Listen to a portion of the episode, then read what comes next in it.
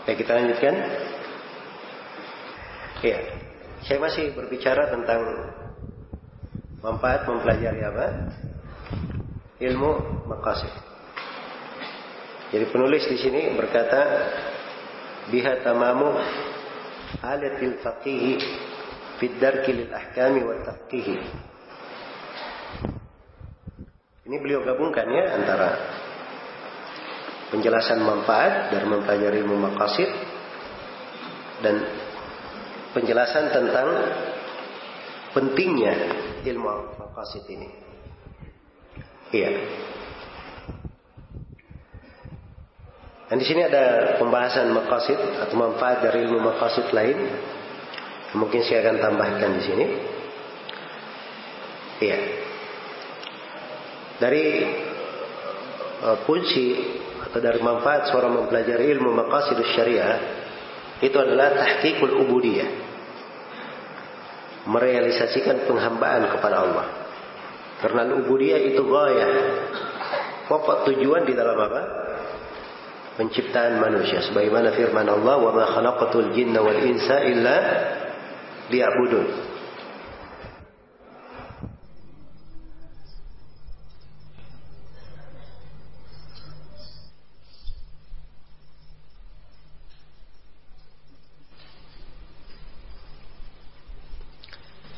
Ini dari pembahasan maqasidus syariah juga dari salah satu pentingnya ini terkait dengan dakwah ilallah, dakwah di jalan Allah. Ya, dan ini sebenarnya untuk para dai banyak hal yang penting di sini dipelajari terkait dengan dengan ilmu maqasidus syariah dan pengaruh ilmu itu di dalam seorang itu hikmah ketika berdakwah. Hikmah itu meletakkan segala sesuatu pada tempatnya itu hikmah. Iya. Jadi hikmah meletakkan sesuatu segala sesuatu pada tempatnya. Di waktu tegas dia tegas, di waktu lembut dia lembut. Hah? Ketika dia mengobati sesuatu, dia mengobati sesuai dengan kadarnya, sesuai dengan apa yang diperlukan. Itu hikmah namanya. Baik. Dan ini ilmu maqasid syariah membantu untuk hal tersebut. Membantu. So kalau dia tidak mengerti maqasid syariah, dia akan berbuat hal yang kadang-kadang mengerikan ya. Iya. Rasulullah Sallallahu Alaihi Wasallam ini saya beri sebuah apa namanya kisah yang harusnya kita perhatikan dengan baik. Kan di dalam hadis riwayat Bukhari dan Muslim dari Aisyah radhiyallahu anha, Rasulullah bersabda, "Ya Aisyah, laula anna qaumaki hadithu ahdin bi jahiliyah, la sadamtul ka'bata wa la ja'altu laha babain." Kata beliau, wahai Aisyah, andai kata kaummu bukan orang yang baru masuk Islam, bukan orang yang baru saja dekat dari kekafiran, dari jahiliyah, saya akan runtuhkan Ka'bah itu. Kemudian saya akan bangun Ka'bah menjadi dua pintu. Ya. Tapi Nabi tidak lakukan sunnahnya ini. Kenapa tidak dilakukan oleh Nabi? Karena khawatir akan terjadi fitnah lebih besar. Dan ini diberi judul bab oleh Al-Bukhari. Orang yang meninggalkan sebagian sunnah karena khawatir akan muncul apa? Bahaya lebih besar. Ya, Ka'bah itu di pondasi yang dibangun oleh Nabi Ibrahim. Ya, Betul dia segi empat ya, tapi bukan segi empat sama seluruh sudutnya. Panjang begitu, segi empat memanjang. Ya. Itu tempat yang sekarang disebut oleh orang-orang dengan nama Hijr Ismail. Ya. Walaupun ini nama tidak tahu dari mana asal usulnya ya. ya. Karena Ka'bah ini dibangun oleh siapa? Nabi Ibrahim dan Nabi Ismail. Kok bisa ada hijirnya Ismail di situ? Iya. Baik. Itu penamaan yang beredar di kalangan orang umum ya. Al-Hijr yang di Ka'bah yang mengarah ke Syam itu tadinya masuk di Ka'bah. Jadi Ka'bah itu bukan segi empat seperti sekarang ini. Tapi Ka'bah bukan segi empat yang sama ininya ya, tapi dia manjang, agak manjang. Masuk ke Hijr. Nah, itu pondasinya Nabi Ibrahim. Pernah terjadi banjir bandang di Mekah yang Ka'bah itu hanyut bersamanya. Banjir itu. Akhirnya orang-orang Quraisy membangun Ka'bah kembali. Tapi ketika mereka membangun Ka'bah kembali, biaya membangunnya tidak cukup. Maka mereka hanya membangun segi empat yang seperti kita lihat sekarang ini. Iya. Nah sekarang muncul pertanyaan, masa kurang dana terus sih dari masa ke masa. Ya, nah inilah ceritanya sebenarnya. Jadi ketika seperti itu keadaannya sudah berjalan, Nabi Shallallahu Alaihi Wasallam ingin mengembalikan Ka'bah ke fondasi Nabi Ibrahim. Tapi kalau beliau lakukan itu, itu bahayanya lebih besar. Orang-orang Quraisy yang baru masuk Islam ini, mungkin mereka akan murtad keluar lagi dari Islam. Mereka akan berkata sombong sekali Nabi Muhammad ini. Mentang-mentang kami nggak bisa bangun dahulu, dia sekarang merubahnya. Kan begitu? Itu kekhawatiran. Maka ini sunnah Nabi tidak dilakukan di masa hidup Nabi. Tidak dilakukan di masa Abu Bakar As-Siddiq. Di masa Umar ibn Khattab. Uthman ibn Affan. Ali bin Abi Thalib. Nggak ada yang mengerjakannya. Nanti ketika Abdullah bin Zubair radhiyallahu anhu memimpin Mekah dan wilayah di sekitarnya dan syah beliau sebagai Amirul Mukminin Abdullah bin Zubair mengembalikan Ka'bah ke pondasi Nabi Ibrahim. Dia lakukan sunnah Nabi. Setelah Abdullah bin Zubair digulingkan oleh Marwan bin Abdul Malik, maka yang menggulingkannya ini dia balikkan lagi Ka'bah. Ke mana? Ke posisi semula. Dia balikkan lagi Ka'bah ke posisi semula. Ya. Mungkin sangkanya ini perbuatannya Abdullah bin Zubair saja. Kan begitu? Terus berjalan masa demi masa sampai di masa Abu Ja'far al-Mansur. Iya. Abu Ja'far al-Mansur dari ulama dari khulafa Bani Umayyah juga.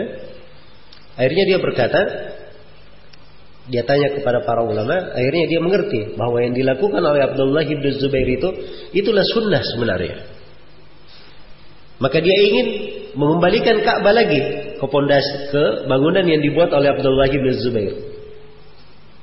Maka dia tanya kepada Imam Malik rahimahullah.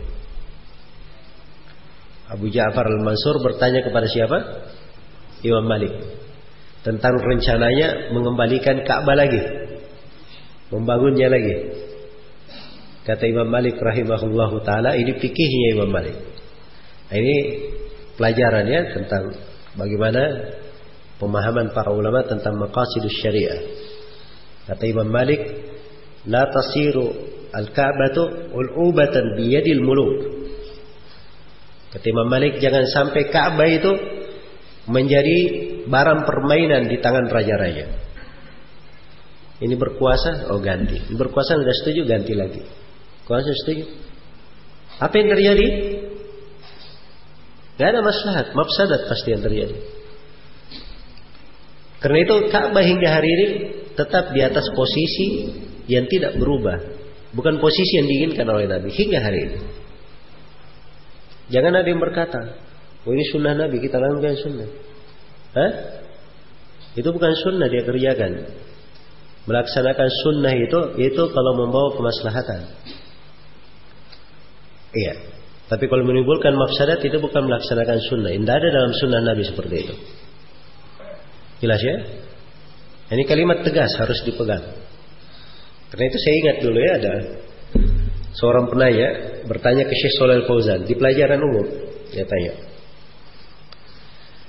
Katanya Syekh saya baca sebuah hadis. Hadisnya sahih. Dan di dalam hadis ini terdapat sunnah Rasulullah wasallam yang banyak manusia tidak mengamalkannya. Saya kalau menghidupkan sunnah ini, kata si penanya, kalau saya hidupkan sunnah ini, pahal ada makjurun tidalik, apakah saya dapat pahala dalam hal itu? Kata Syekh la, bal anta ma'zur. Ya. Kita beliau kamu tidak dapat pahala, bahkan kamu berdosa. Hah? Bahkan kamu berdosa. Illa kata beliau kecuali kalau kamu jelaskan dulu sunnah itu kepada manusia sebelum kamu amalkan. Iya. Terangkan dulu kepada orang sudah paham diamalkan supaya tidak ribut-ribut. Nah, itu baru fikih namanya. Mengerti dari apa? Maksud pensyariatan. Iya. Saya dengar ada apa namanya? Saya diberitahu sebagian orang. Orang ini ya sampai sekarang ya termasuk orang-orang yang apa namanya? Uh, tidak lurus lah jalannya. Karena tasyadud ini membuat orang tidak lurus jalan. Iya. Dia dapati di sebagian hadis ikut sebagian pelajaran kita misalnya di pembahasan. Nabi Shallallahu Alaihi Wasallam pernah sholat di kanan beliau ada siapa? Pamannya Al Abbas dan di kirinya ada Ali bin Abi Thalib. Kan begitu? Menunjukkan bahwa imam itu kalau sholat boleh ada makmum di kanan dan di kirinya. Kan begitu iya dan ini sunnahnya kalau di dalam berjamaah apalagi kalau masjidnya sudah penuh isi aja di kanan dan kiri imam. Nah, ini orang datang dia masjidnya kecil, penuh. Tidak ada soft dia dapat di belakang. Dia dari belakang dia tembus jemaah ke depan. Ya. Untuk berada di anak di samping imam. Ya, hampir bubar sholat berjamaah ya. Dikiranya ada orang mau menyusup, mau menyerang imam oleh makmum. Ya. Nah, ini orang-orang yang bertindak tidak memperhitungkan apa yang dia apa namanya? Tidak memperhitungkan apa yang dia lakukan. Dan ini bahaya yang seperti ini ya. Berbahaya. Apalagi hal-hal yang terkait dengan perkara umum yang ada silam pendapat atau terbuka di situ untuk silam pendapat. Itu tidak usah terlalu seorang terlalu ketat di dalam hal yang seperti itu. Iya. Terlalu ketat imamnya misalnya menjaharkan bismillahirrahmanirrahim masjid menjaharkan bismillahirrahmanirrahim dia masuk ke masjid itu imam ya padahal jemaah masjid madhabnya adalah itu ada sebagian orang ya kalau imamnya tidak membaca bismillahirrahmanirrahim nanti selepas sholat dia ulangi sholatnya ada sebagian orang seperti itu makanya jangan bikin ribut di tengah manusia jelas ya ada juga sebagian orang dia terapkan hadis Ibnu Abbas, dia musafir. Musafir, dia imami orang mukim. Dia sholat dua rakaat saja. Setelah itu dia balik ke makmum. Atimu sholatakum, fa inna qaum musafar. Ya makmumnya mana tahu orang-orang awam. Imam salam dia juga ikut salam. Ya. Jelas ya? Yang seperti ini jangan bikin keributan. Iya. Sebab syariat datang dengan hal yang seperti itu. Baik. Ya, kalau dia misalnya disuruh menjadi imam, maka dia suruh orang lain jadi imam yang mukim.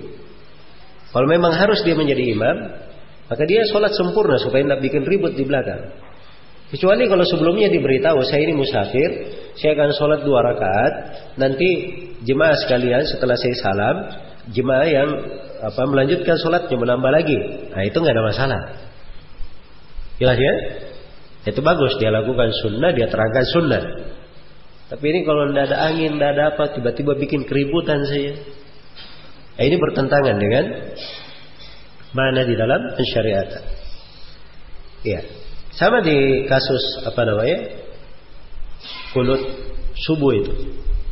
Kalau imamnya kunut subuh, ya ikut kunut subuh bersama bersama imam. Iya. Ikut kunut subuh bersama imam. Karena ini memang dari hal-hal yang ada mengandung di situ dibuka pintu. Walaupun hadisnya lemah tentang kunut subuh yang dipakai sebagai kunut subuh itu hadis uh, siapa? Anas bin Malik riwayat At-Tirmidzi itu memang di dalam syaratnya ada rawi yang bernama Abu Ja'far Ar-Razi, Isa bin Mahan, dan itu disepakati oleh ahli hadis bahwa ini rawi dhaiful hadis. Lemah hadisnya. Iya. Hanya saya ada sebagian yang memandang kunut di semua sholat. Apa kunut di di sholat? Ada yang mengatakan itu syah di sholat witir. Mereka pakai kaidah umum. Masa bata fin nafilah sabit fil. Itu kan kaidah umum dia pakai. Maka hal-hal yang seperti ini itu tidak usah diributkan. Dia datang tidak ikut sholat, tidak ikut kunut. Menjadi ramai nanti di kalangan apa? Jamaah. Itu tidak bagus. Jelas ya? Karena itu tadi tentang menjaharkan Bismillahirrahmanirrahim. Kalau dia menjadi imam, itu difatwakan oleh Syekhul Islam. Ibnu Taimiyah rahimahullah. Ada fatwa beliau di dalam hal itu. Dan untuk masalah kunut tadi, itu difatwakan oleh beberapa ulama di masa ini. Syekh Shalal Fauzan memfatwakannya itu ada fatwa tertulis beliau. Kalau saya sendiri sudah mungkin sudah dua kali saya tanyakan ke beliau. Juga ada fatwa Syekh Rabi Habibullah tentang itu. Ya, itu juga adalah hal yang bagus ya. Jadi ini semuanya menunjukkan kepada kita bahwa ada dari maqasid syariah yang perlu diperhatikan. Iya. Baik. Kemudian dari uh, apa namanya manfaat mempelajari maqasid syariah ini adalah membuat seseorang itu lebih mencocoki sunnah Nabi. Lebih mencocoki apa yang diinginkan oleh Allah dan Rasulnya. Jadi kalau dia sudah tahu syariat maksudnya dalam ibadah itu adalah begini, maka niatnya dia luruskan untuk ke situ. Maka dia semakin pas di atas petunjuk. Semakin cocok di atas tuntunan. Semakin cocok di atas tuntunan. Nah, ini bedanya antara orang yang berilmu dan tidak berilmu. Orang yang punya ilmu itu biasanya lebih mencocoki. Pas dia menapak. Iya. Di semua bidang seperti itu. Orang yang berilmu lebih yakin daripada orang yang tidak berilmu. Iya. Karena itu misalnya ahli hadith ya, kalau dia sudah kuatkan hadith, hadith ini kuat. Sebagian ulama itu seakan-akan ini hadith dia lihat Nabi Wasallam berucap hadith ini. Saking dia yakinnya bahwa ini sanatnya bersambung kepada Nabi Shallallahu Alaihi Wasallam. Jelas ya? Jadi ilmunya berbeda terkait apa namanya eh, keyakinannya berbeda terkait dengan ilmu mereka di dalam hal tersebut. Baik. Kemudian dari hal yang perlu saya jelaskan juga di sini terkait dengan masalah pentingnya mempelajari ilmu maqasidus syariah untuk orang-orang yang berijtihad, ahli ijtihad. Iya. Baik.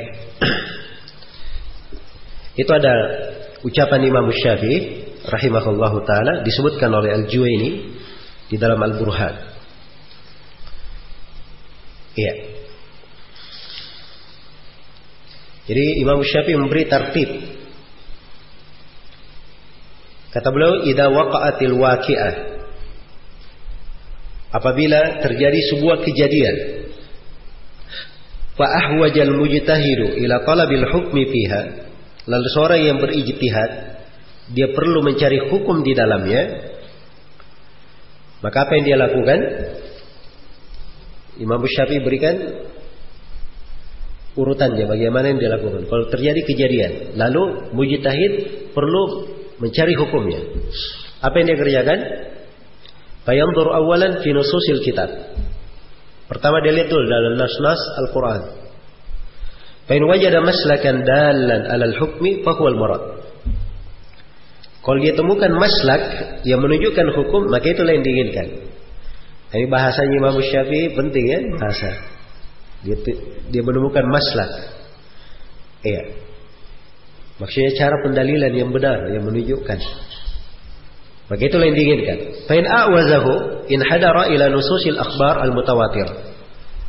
Kalau dia tidak dapat itu, iya, itu menjadi hal yang tertutup baginya. Dia tidak mampu menemukannya, maka dia turun melihat kepada berita-berita nas-nas dalam hadits Rasulullah yang mutawatir. Hadits mutawatir dulu. Fain wajadahu wa illa in hatta ila nususi akhbaril ahad. Kalau dia tidak dapat maka dia turun kepada berita di hadits ahad.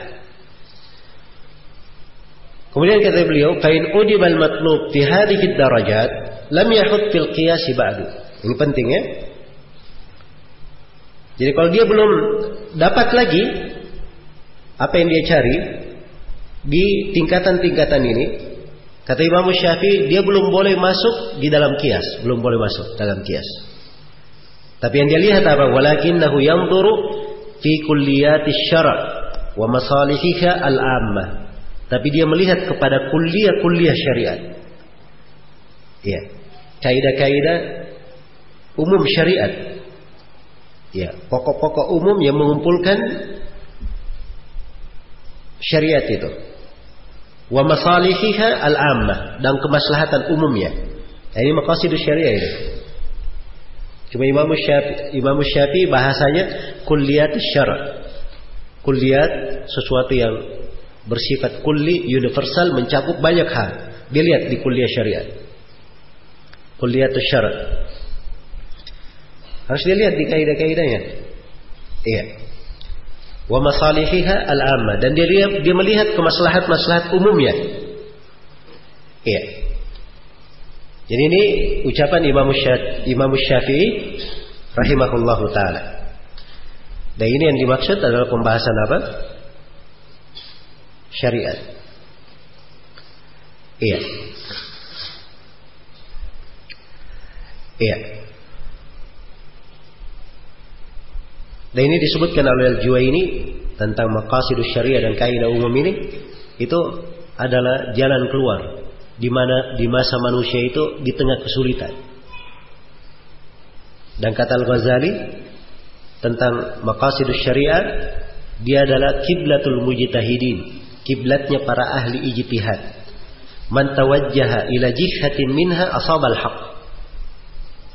Siapa yang mengarah kepada kiblat ini dari arah mana saja, dia akan mencocoki kebenaran. Jadi dia seperti kiblat ya. Kiblat. Iya.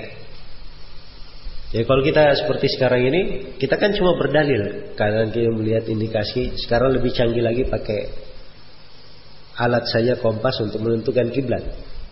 Kan begitu? Oh kita kiblatnya ke arah barat. Orang di negeri lain belum tentu arah barat kiblatnya. Ini semuanya dipakai dalil. Ya, lihat bintang, matahari apa segala macam itu untuk berdalil ke kiblat saya. Tapi kalau kiblat Ka'bahnya sudah ada di depan, ini Ka'bah sudah di depan kiblat ini. Dia mau sholat dari kanan, dari kiri, dari dari mana saja dia mau sholat. Yang penting menghadap ke kiblat, maka dia telah mencocoki apa?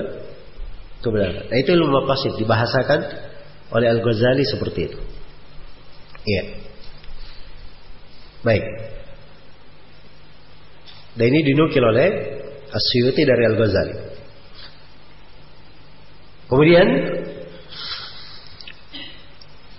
juga di antara apa namanya ucapan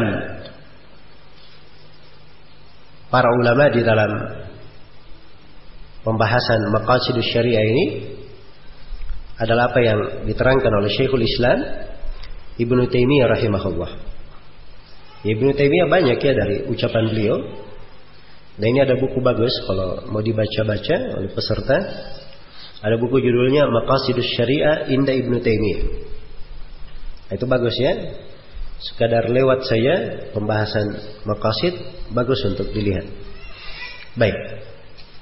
Di situ disebutkan beberapa ucapan Syekhul Islam ya, rahimahullahu taala. Yang tampak beliau itu dari ucapan-ucapannya ya, beliau menjelaskan bahwa memahami Al-Qur'an dan As-Sunnah itu bukan dengan lafaz saja, tapi dengan lafaz dan makna dan itu adalah fardu kifayah. Itu adalah fardu kifayah. Dan dari ucapan Syekhul Islam Ibn Taimiyah dipahami bahwa ilmu tentang maqasidus syariah itu adalah asluddin, pokok agama. Asas dan tiangnya, bahkan kepalanya. Iya. Jelas ya?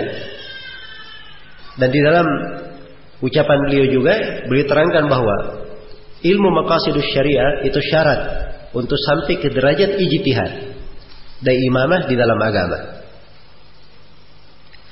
Iya.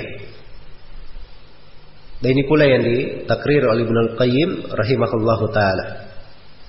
Ibnu Al-Qayyim itu punya kalimat-kalimat yang sangat indah ya di berbagai pembahasan di bukunya I'lam Al-Muwaqqi'in. Iya. I'lam Al-Muwaqqi'in. Itu judul bukunya I'lam kasrah di, di kasrah ain, uh, alifnya di depan. I'lam. Sebab ini buku ya menjelaskan bagaimana etika orang yang memberi fatwa.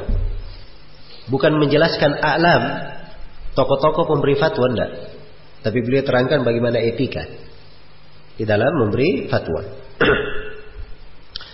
Baik, adapun Imam Syatibi, Imam Syatibi ini yang dikenali di masa ini sebagai Syekhul Maqasidiyin. Syekhnya para ulama ahli maqasid. Para ulama ahli ilmu maqasid syariah. Asyatibi berkata, Innama tahsulu darajatul ijtihad liman ittasafa biwasfaini.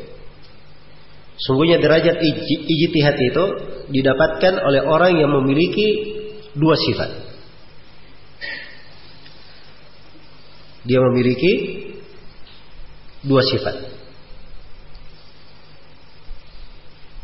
Sifat yang pertama hadihima yang pertama fahmu maqasidis syari'a ala kamaliha jadi sifat seorang mujtahid yang pertama dia memahami maksud pensyariatan secara sempurna.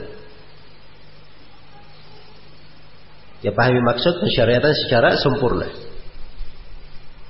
Kemudian yang kedua dari syarat mujtahid at-tamakkun minal istinbab binaan ala fahmihi fiha. Dia mutamakin dalam istinbab, dalam memetik hukum dibangun di atas pemahamannya di dalam maqasid tersebut. Iya. Baik. Jadi ini kelihatan ya betapa pentingnya ilmu maqasid syariah ini di kalangan para ulama. Iya. Apalagi terkait dengan kejadian-kejadian masa kini. Al-mustajaddat. Ya. Itu harus dilihat kepada maksud-maksud pensyariatan di dalamnya. Iya. Karena itu banyak dari masail, subhanallah, seorang bisa berijtihad di situ, tapi ada hal-hal yang apalagi dia baru terjadi, itu perlu ijtihad banyak orang. Perlu ijtihad banyak orang. Ada sebagian pertanyaan kadang ditanyakan ke Syekh Fauzan di pelajaran umum. Beliau berkata, ini pertanyaan diangkat ke Darul Ifta. Ini pertanyaan perlu ijtihad dari banyak orang. Perlu ijtihad dari apa? Banyak orang. Ya. Ini subhanallah ya, model-model ahli fatwa itu seperti ini. Ya. Dan kita subhanallah di Indonesia ini karena ahli fatwanya terlalu banyak, ya. Semua pertanyaan bisa dijawab. Semua hal bisa dia apa? Bisa dia masuk di dalamnya. Ya. Dan ini menunjukkan kejahilan. Sebab seorang itu apabila dia semakin banyak kenal dari ilmu, dia akan tahu kadar dirinya. Dia akan tahu kadar dirinya. Dia kalau tahu itu bukan dia kurang di situ, dia tidak akan menjawab. Atau kalau dia tahu itu bukan haknya dia berbicara di situ, dia tidak akan menjawab. Iya. Karena itu tidak ada seorang alim itu ditanya dia bisa menjawab segala sesuatu. Tidak ada alim yang seperti itu. Pasti ada yang tidak dia jawab. Bukan mungkin bukan karena dia tidak tahu, tapi memang karena dia tidak boleh menjawabnya. Iya. Maka ini akan dipahami oleh semakin seorang itu mendalam di dalam memahami kaidah-kaidah syariat, memahami dari syariat ini, maka akan semakin mudah dia untuk menyikapi kejadian-kejadian yang terjadi. Iya. Demikian pula dari manfaat mempelajari maqasidus syariah ini itu membuat seorang itu seimbang. Pertengahan. Iya, tidak ke sana sini tapi pertengahan. Tidak ada ittirab, tidak ada kegoncangan. Dia pertengahan. Dia letakkan syariat itu segala sesuatu pada tempatnya. Dia letakkan segala sesuatu pada tempatnya. Baik. Iya. Jadi dengan ini tampak sudah ya ucapan penulis di sini biha tamamu alatil faqihi fid darkil ahkami wat tafqih. Dengannya kesempurnaan alat ahli fikih. Jadi kalimat kesempurnaan menunjukkan bahwa untuk memahami fikih bukan itu saja alatnya. Ada alat-alat yang lain. Iya. Ada alat-alat yang lain fid lil ahkami wat tafqihi di dalam memahami hukum-hukum dan juga di dalam memahamkan orang. Di dalam memahamkan orang. Iya. Jadi kalau dia mengerti maqasidus syariah dia semakin bisa memahamkan sesuatu itu kepada orang. Sebab dia tidak terbatas lagi pada lafaz. Dia terbatas pada makna. Bisa dia sampaikan makna itu kepada orang. Mencocokinya. Iya.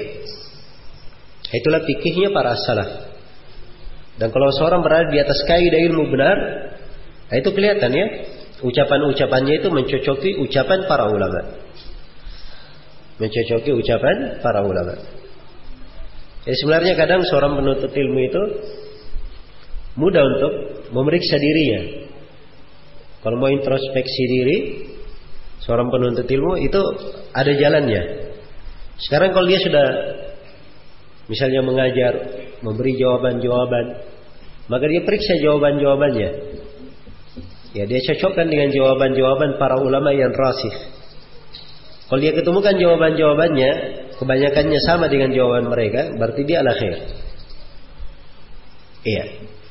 Tapi kalau jawaban-jawabannya banyak yang aneh-aneh, menyelisih ulama-ulama yang rasih, nah ini menunjukkan dia perlu Periksa bagus-bagus jawabannya. Ya, sebab dia bukan Syekhul Islam Ibn Taimiyah. Bisa menyelisihi jumhurul ulama di dalam apa? Di dalam sebagian hal yang beliau yakin. Iya. Kayak ini uh, perlu selalu di, dikembalikan. Seorang penuntut ilmu itu semakin dia bertambah dari ilmu, itu akan semakin terlihat kehati-hatiannya. Dan sudut memandangnya juga semakin luas. Iya. Dan itu memberi pengaruh dengan sendirinya, memberi pengaruh dengan sendirinya karena ilmu itu memberi pengaruh. Baik. Saya pernah tanya ke Syekh Shalal Fauzan. Sebenarnya Syekh apakah ada latihan-latihan untuk menjadi seorang mufti? Ya. Kata beliau, ya akhirnya itu cuma al-faham. Pemahaman yang Allah berikan kepada seseorang. Iya. Jadi itu pemahaman Allah berikan kepada seseorang. Itu kalimat ada ya dari bahasa Ali bin Abi Thalib radhiyallahu taala Iya. Itu betul pemahaman Allah berikan kepada seorang di fatwa itu. Karena seorang alim itu ketika ditanya sesuatu dia melihat apa yang ditanyakan. Dia lihat dari segala sudutnya baru dia apa namanya? membahasnya. Baik. Demikian. Selesai di sini pembahasan tentang kira-kira sudah cukup ya kita terangkan tentang manfaat dan faidah mempelajari ilmu maqasidus syariah. Ya mungkin saya akan jelaskan nanti beberapa ini uh, pembahasan kita perlu banyak contoh-contoh sebenarnya di dalam penerapan-penerapan. Karena itu tadi saya uh, bilang bahwa maqasid syariah ini pedang, pedang bermata dua. Ya. Orang kalau tidak memiliki dhabit yang benar, pijakan yang benar di dalam ilmu ini, dia akan sembarangan nanti dalam menggunakannya. Iya. Jelas ya? Seperti yang sering kita saksikan. Ada yang membolehkan demonstrasi. Hah? Oh, ini banyak maslahatnya. Kan bicaranya maslahat. Maslahat. Orang yang melakukan kudeta juga maslahat. Kan begitu? Semuanya maslahat. Iya. Nanti orang yang berzina juga maslahat. Loh kan kenapa kamu berzina? Oh ada maslahatnya. Maslahat apa? Ya bisa dapat keturunan. Maslahat atau bukan? Ya maslahat kan? Tapi ini maslahat tidak di, dianggap. Iya. Itu maslahat di rumah tabar. Karena ada pembagian maslahat nanti kita akan bagi. Itu tidak dianggap. Karena itu adalah hal yang sudah maslahat yang bertentangan dengan nas Al-Quran dan hadis. Itu adalah maslahat yang batil, gairu mu'tabar mulgha. Jelas ya? Jadi tidak bisa dia memakai kaidah sembarangan kalau mengerti babit ketentuan-ketentuan. Jadi ini ada ada ikatannya ilmu ini, ada rincian-rinciannya. Ini yang paling penting sebenarnya untuk kita kaji dan kita bahas. Baik. Kita baca dari apa namanya? Ucapan penulis. Ya.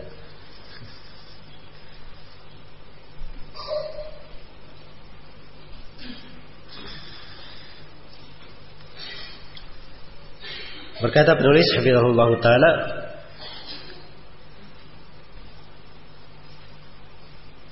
Di dalam pembahasan berikutnya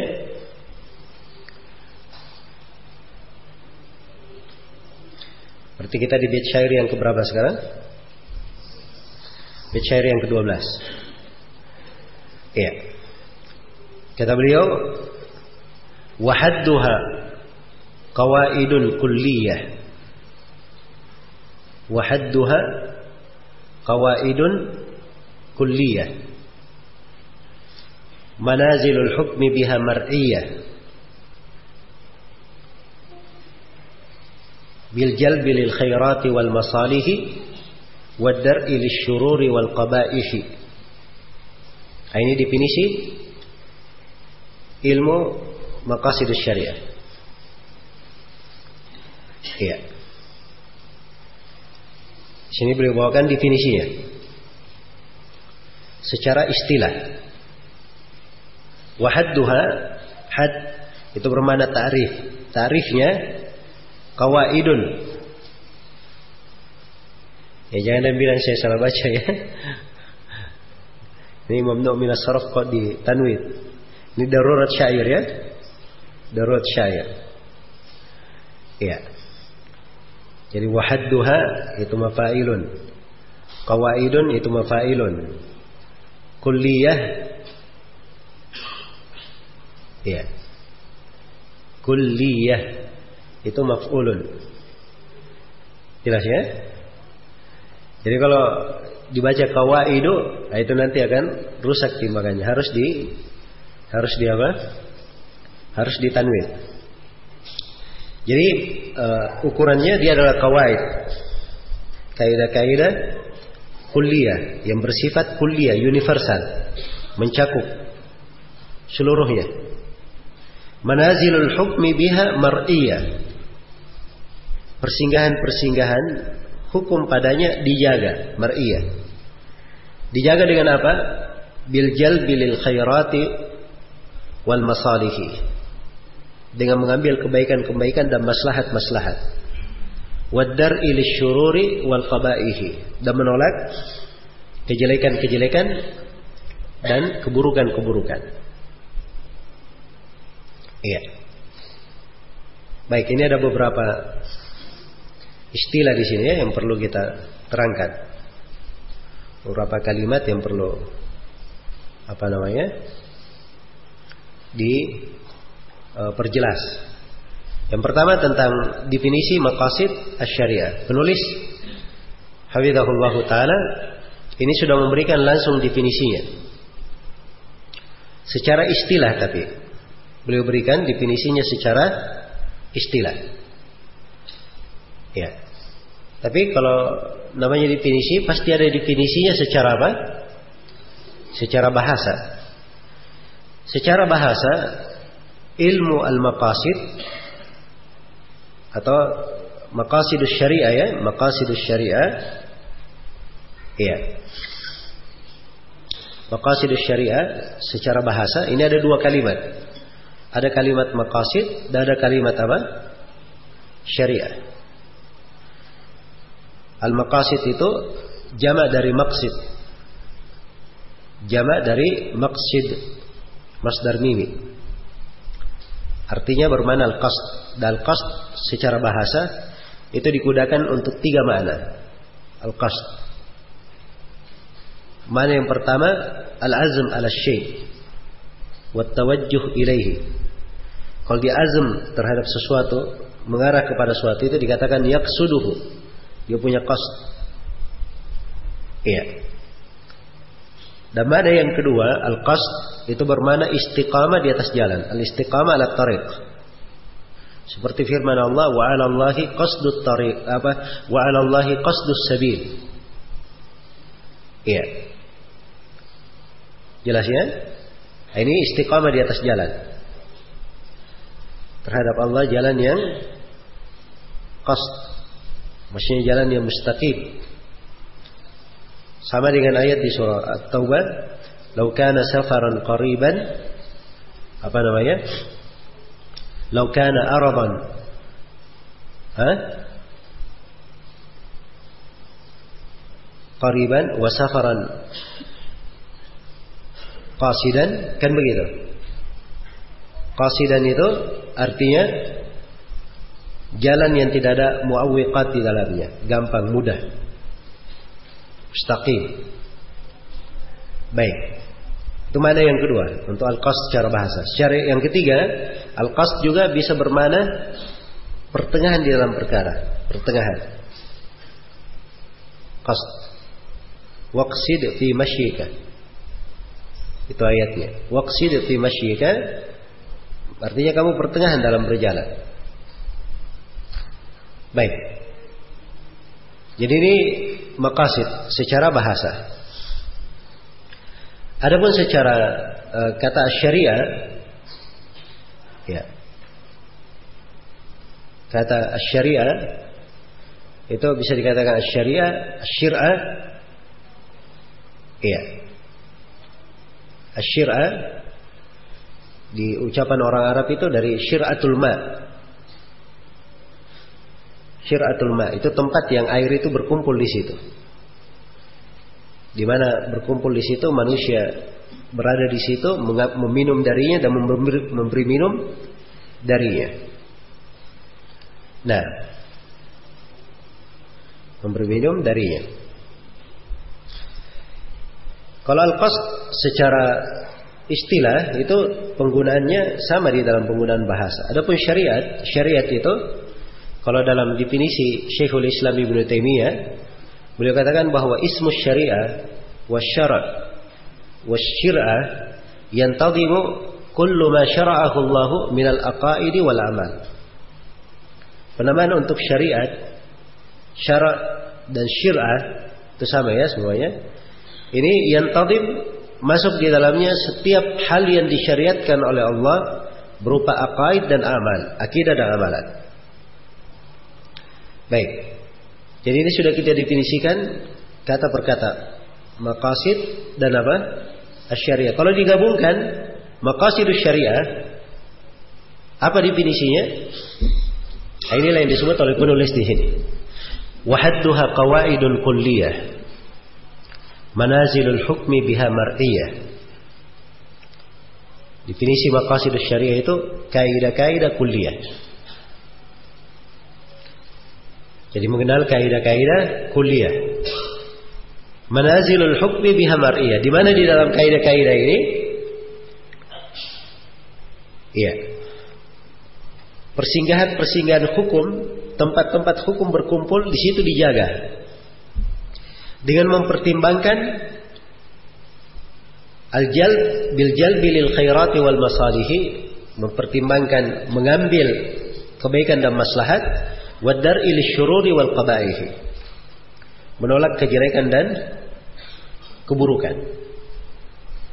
Iya. Kalau uh, penulis sendiri ketika menjelaskan buku ini beliau berikan istilah. Kata beliau fil istilah qawaidun kulliyah tu'rafu biha al-ghayatu al-mu'tamada fi tashri' al-ahkam ad-diniyah. Jadi secara istilah dia adalah kaidah-kaidah kuliah yang dengannya dikenal al-ghayat al-mu'tabadat, tujuan-tujuan yang dipegang. Tujuan-tujuan yang dijadikan sebagai sandaran dalam pensyariatan hukum-hukum agama. Dalam pensyariatan hukum-hukum agama. Baik. Jadi ilmu maqasidus syariah ini dia adalah ilmu yang menjelaskan tentang kaidah-kaidah kuliah. Di dalam kaidah kuliah ini seorang bisa mengenal tujuan-tujuan maksud-maksud dari pensyariatan hal yang merupakan pegangan. Hal yang merupakan pegangan di dalam pensyariatan hukum-hukum agama. Iya. Baik. Dan ini banyak definisi ulama ya, tapi mananya kembali ke situ. Mananya kembali ke situ. Dan di antara ulama ada yang mendefinisikan bahwa maqasidus syariah adalah al-ma'ani wal hikam. Al-ma'ani apa? Wal hikam التي رآها الشارع في التشريع umuman wa من أجل تحقيق مصالح العباد مقاصد الشريعة adalah makna-makna dan hikmah-hikmah yang dijaga oleh syariat di dalam pensyariatan. Secara umum maupun secara khusus. Seluruh hal tersebut untuk merealisasikan untuk mewujudkan kemaslahatan-kemaslahatan hamba. Iya. Jadi tanpa di sini ya pembahasan maqasidus syariah itu apa? Dia itu membahas tentang makna-makna hikmah-hikmah yang dijaga oleh syariat di dalam pensyariatan. Iya. Di dalam pensyariatan. Kenapa ada syariat begini? Ada hikmah yang dijaga oleh syariat di sini. Ya. Ini mana yang dipelihara oleh syariat di dalam syariat ini adalah ini.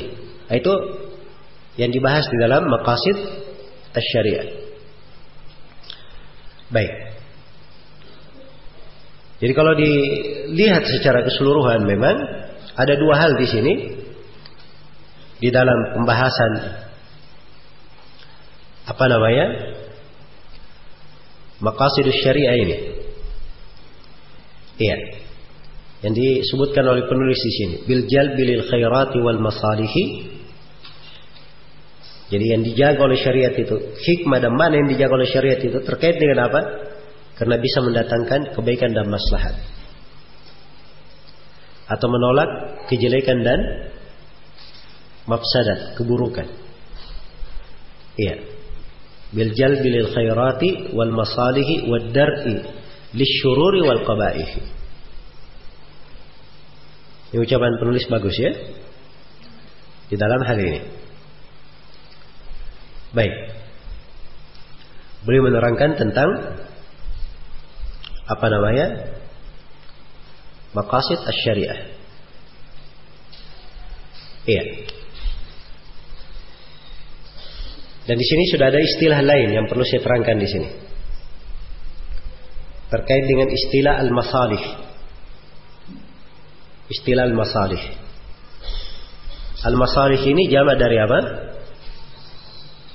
Jama dari maslahah. Iya. Jama dari maslahah. Baik. Kalau al-khairat jelas ya. Asyurur jama dari syar. Al-qabaih jama dari apa? Qabih. Ya karena itu penulis berkata, هذه المقاصد الموصوفة بأنها قواعد كلية تدور على أصلين. Kata beliau bahwa maqasid syariat ini yang dikatakan sebagai kaidah-kaidah kuliah itu berputar di atas dua dasar berputar di atas dua kaidah. Iya. Berputar di atas dua kaidah. Jadi kalau orang berbicara tentang maqasid syariah, itu selalu berputar di atas dua apa? Kaidah ini. Ahaduha jalbul masalih. Iya.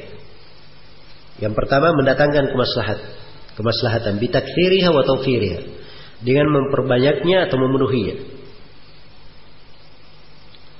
Dan yang kedua, darul mafasid. Menolak kemafsadatan. Bihajbiha wa takliliha. Dengan menirainya, maksudnya menghalanginya, jangan masuk. Jangan menimpa. Wa takliliha atau menguranginya. Atau menguranginya. Iya. Baik, dan ini ucapan penulis Habibullah Ta'ala sudah cukup ya menggambarkan apa ilmu maqasid itu. Karena itu Syekh Abdurrahman bin Nasir As-Sidi mengisyaratkan dua de, dua kaidah dasar ini di Mamduma beliau. Mamduma al-Qawaid al-Fiqhiyah kata beliau ad-dinu mabniun 'ala al-masalihi fi jalbiha wa dar'i lil qaba'ihi. Agama itu terbangun di atas maslahat dalam dalam meraih maslahat dan di dalam menolak kebaik mafsadat. Pembahasan agama semuanya. Karena itu Syekhul Islam Ibnu Taimiyah Ibnu Qayyim itu banyak di bahasa beliau. Mereka katakan bahwa syariat ini jaat ya. Syariat ini jaat litahqiqil masalih wa takmiliha datang untuk mentahkik, mewujudkan kemaslahatan atau menyempurnakannya. Wajaat lidar ilmu fasidi wa takliliha. Dia datang di dalam menolak mafsadat atau menguranginya. Jadi kalau mafsadatnya tidak bisa dihilangkan, dikurangi. Sebagaimana maslahat kalau dia tidak penuh, paling tidak sempurna. Apa namanya diwujudkan, dimaksimalkan. Iya. Baik. Jadi ini ukuran di dalam syariat. Baik. Karena itu di sini ketika kita sudah masuk berbicara tentang maslahat al-masalih, ini kita harus uh, tahu ya pembagian-pembagian tentang maslahat itu. Iya. Pembagian uh, uh, definisi tentang maslahat tersebut. Apa itu maslahat? dan apa itu mafsadat. Apa itu maslahat dan apa itu apa? Mafsadat. Baik. Nah ini saya akan terangkan dulu pembagian definisi maslahat dan mafsadat, kemudian pembagian-pembagiannya. Nanti saya akan balik lagi berbicara tentang pembagian maqasid. Iya. Sebab di pembahasan maslahat dan mafsadat ini saya sebenarnya itu sudah pembahasan penting sekali di ilmu maqasid. Karena ilmu maqasid dibangun di atas dua kaidah. Jalbul masalih dan darul apa? Mafasid. Kan begitu. Nah, sekarang al-masalih itu apa? Al-mas al-masalih itu jama dari maslahat. Al-maslahah. Maslahah itu dari kata salah. Dan salah itu adalah lawan dari fasad. Lawan dari apa? Fasad. Kerusakan. Baik. Iya. Dan maslahat itu kalau dia masuk di dalam pembahasan ilmu maqasid maka ini cakupannya akan luas pembahasannya. Iya. Akan luas pembahasannya. Masuk dia di dalam menjaga ad-daruriyat al-khams dan masuk juga di dalam maslahat pada hal yang lainnya. pada hal yang lainnya. Iya. Dan maslahat itu dibagi oleh para ulama dengan berbagai bentuk pembagian. Dengan berbagai bentuk pembagian. Baik. Ada pembagian mengatakan bahwa maslahat terbagi dua. Ada maslahat hakikiyah dan ada maslahat majaziyah. Maslahat hakikiyah itu adalah maslahat al-maqsuda bidatiha. Maslahat yang dimaksudkan pada datnya. Seperti sholat, zakat, puasa. Nah, ini maslahat datnya diinginkan, dia maslahat. Dan ada dia maslahat sebab untuk mewujudkan maslahat. Seperti memotong tangan pencuri. Iya. Memotong tangan pencuri ini apa? Maslahat atau bukan? Hah? Sekarang memotong tangan pencuri, maslahat atau bukan? Hilang tangannya orang, kan begitu? Berarti mafsadat. Tapi dia disebut maslahat karena ini adalah wasilah. Ya. Dia adalah wasilah untuk memberikan efek jerah kepada al-mujrimin, menjaga keamanan, Nah, ini maslahat besar semuanya ya. Kan begitu. Baik. Dan maslahat itu atau sebelum saya uh, meluas di pembahasan maslahat, kalau mafsadat, definisi mafsadat, mafsadat kebalikan dari apa? Maslahat. Begitu saja. Mafsadat kebalikan dari maslahat. Iya. Maslahat kalau dilihat dari sisi keumuman dan kekhususan, maslahat terbagi dua. Ada maslahat amma dan ada maslahat khasa.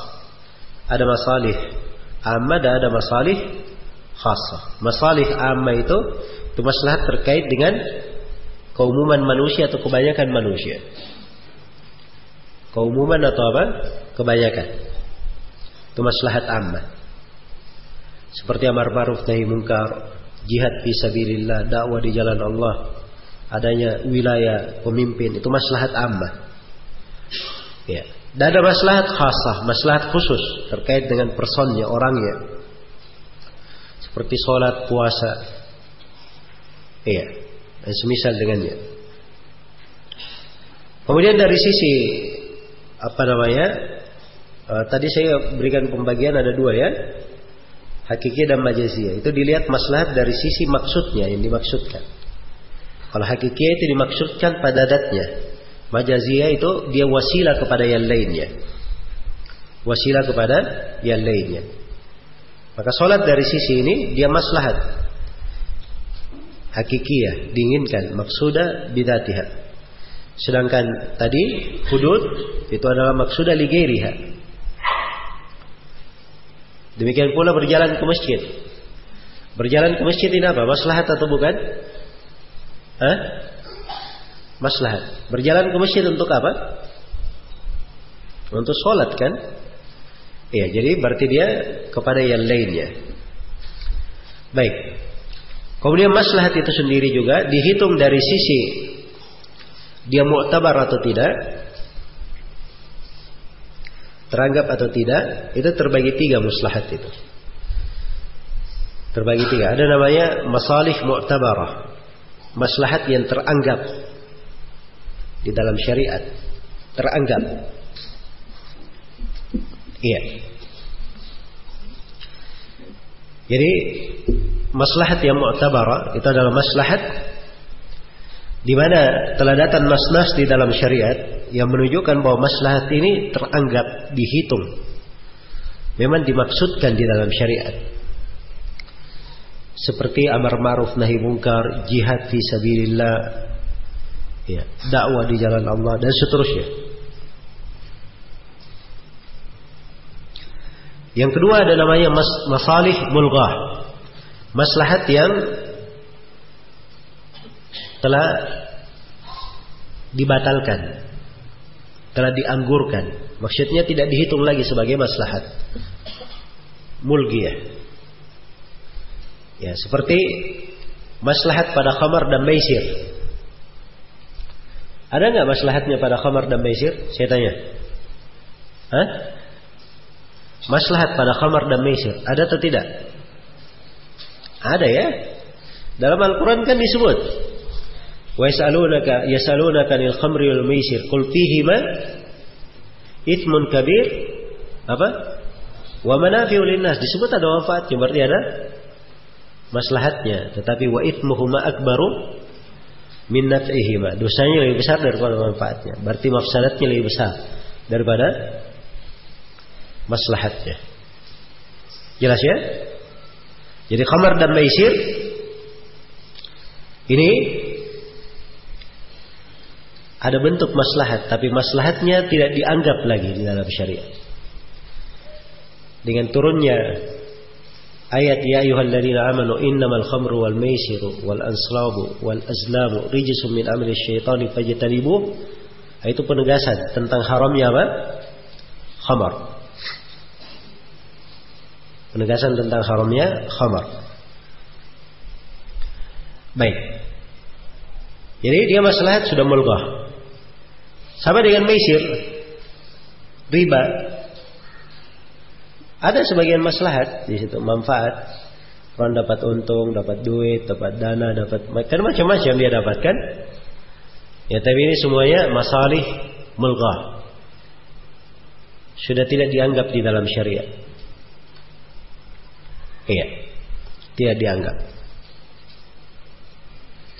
Baik. Demikian pula seluruh maslahat yang bertentangan dengan nas. Seluruh maslahat yang bertentangan dengan nas itu namanya mulghah, tidak dianggap.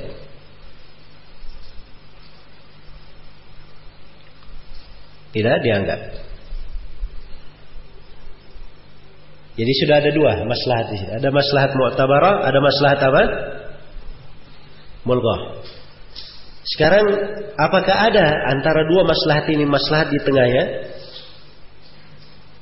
yang tidak diketahui dia ini mu'tabar atau tidak? Nah, inilah yang silam pendapat di kalangan ahli usul di pembahasan al-masalih al-mursalah. Jadi al-masalih al-mursalah ini itu tempatnya di antara dua maslahat. Antara mu'tabar dan apa? Mulghah. Sebagian para ulama ada yang berkata ada masalih mursalah. Dan dia dipakai dengan beberapa syarat.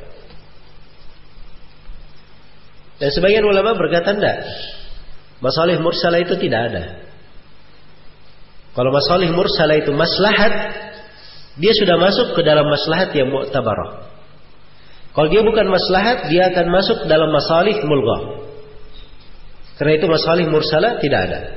Ini yang dikuatkan oleh Syekhul Islam Ibn Taimiyah, Syekh Ibn Utsaimin dan semisalnya. Saya sendiri saya lebih condong ke situ. Iya. Sebab agama ini sudah jelas semuanya itu yang baik dan buruk itu jelas. Manfaat dan tidak itu jelas. Jelas ya? Jadi sisa dilihat saja. Mereka beri contoh tentang masalah mursala. Ya. Tentang masalah mursala. Ya. Dipercontoh misalnya seperti garis di soft itu. Nah, garis di soft ini masuk ke mana? Pembahasannya apa? Garis di soft. Ya kalau masjidnya besar, huh? panjang, tidak ada garisnya, sulit meluruskan soft bengkok softnya. Jelas ya? Jangan ada yang berkata ini garis di soft ini bida. Iya. Jangan sembarangan ya. Kenapa bida? Tidak pernah ada di masa salaf garis itu. Ya betul itu ya kalimat tidak di masa salaf. Tapi apakah dia bida? Nah, ini harus ditahu dulu. Apakah ada dari sisi syariat yang membolehkan itu atau tidak? Ya jangan sembarangan saja main ponis-ponis bidah. Ini hati-hati. Ini terkait dengan masalah al-masalih di sini penting. Karena itu kalau masjidnya tidak perlu garis, ngapain digarisin? Ya. Sebab adanya hal tersebut itu untuk maslahat. Tapi kalau misalnya masjid, ini masjidnya dibangun ke arah begini. Jemaahnya sepakat kiblatnya itu serong ke kanan sedikit. Kan begitu. Kalau orang yang bukan jemaah masjid, dia masuk ke masjid, dari mana dia tahu kiblat? Dari maslahat dikasih apa? Garis untuk lurus kiblatnya dalam sholat juga. Ini cocok ya, pas maslahat. Karena itu di Masjidil Haram, antum lihat ya di Masjidil Haram di Mekah itu, itu ada garisnya. Ya. Sebab kalau ada yang garis seperti ini, ini tidak ada ukuran. Kalau di Indonesia mudah tidak ada garis. Ka'bah itu di arah barat kan begitu. Kalau mereka di Mekah, bagaimana caranya? Dari arah mana saja kiblat kan begitu. Iya. Dia salah, misalnya sedikit tidak mengarah ke Ka'bah, dia batal sholatnya. Sebab Ka'bah di depannya. Karena itu dari maslahat diberikan apa? Diberikan dari garis. Jadi masuk di dalam pembahasan al-masalih al-mursala. Karena itu kalau dikatakan dia masalih mursala diterima, dia ada maslahat masuk di dalam masalih mu'tabar. Kalau tidak ada maslahat maka dia masuk di dalam maslahat apa? Yang mulghah. Begitu saja enaknya. Dalam masalihin. Iya. Karena itu jangan ada yang datang berkata bahwa demonstrasi itu boleh. Kenapa demo itu boleh? Ada maslahatnya. Iya. Ada maslahatnya. Saya tanya ini maslahat apa yang kamu pakai? Mu'tabarah ada gairu mu'tabarah. Kan begitu? Dia mulga atau mu'tabarah? Maslahat ini. Ya, semua maslahat yang disebutkan di dalam demonstrasi itu itu bertentangan dengan banyak nas. Ini masalah demo ya bukan masalah hal yang dikatakan dia masuk di dalam perkara ijtihadi. Ada nas-nas yang bertentangan dengan hal tersebut. Ada nas tegas tidak boleh menjadi sebab kerusakan, sebab perpecahan. Tidak boleh menjadi sebab datanya bahaya untuk manusia. Iya. Tidak boleh mengganggu seorang mukmin. Misalnya ya hadits Muad bin Anas riwayat Ahmad dan selainnya Rasulullah sallallahu alaihi wasallam bersabda Man dayyaqa manzilan atau qata'a tariqan atau ada mu'minan fala jihadala Barang siapa yang mempersempit tempat singgah orang atau memutus jalan orang atau dia menyakiti seorang mukmin tidak ada jihad bagi dia. Ini semuanya kena para pendemo ini. Ya. Kena. Dia mempersempit tempatnya orang, memutus jalan orang dan mengganggu orang. Semuanya kena. Jadi jangan dia bilang, wah ini ada maslahat. Nggak ada maslahat di situ. Ini bertentangan dengan kalau ada maslahat maka dikatakan mulgha. Jelas ya? Karena itu harus didabit dengan dawabit syariah. Dawabit syariah di situ. Iya. Ada lagi sebagian orang lugu. Iya. Sembarangan saja. Tidak mengerti dari apa namanya?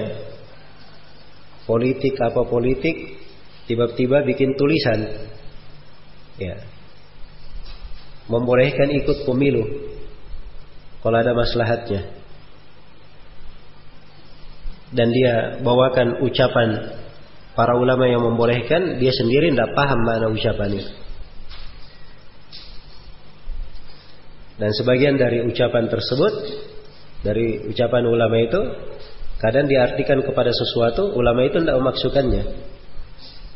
Nah itu namanya berucap atas nama alim, tidak seperti yang dia katakan, tidak boleh seperti itu. Iya. Ini tidak paham terkait dengan masalah masuk di urusan yang seperti itu. Wah ini mimbab irtikab akhafud dararain. Kita ambil yang paling sedikit bahayanya. Ini juga tidak mengerti menggunakan kaidah. Iya. tidak mengerti menggunakan kaidah. Karena itu ini harusnya jadi pelajaran nih. Saya uh, mengingatkan ini karena ini bahaya untuk dakwah salafiyah. Kalau ada yang masuk-masuk di urusan politik, masuk di urusan pemerintahan, itu membahayakan dakwah.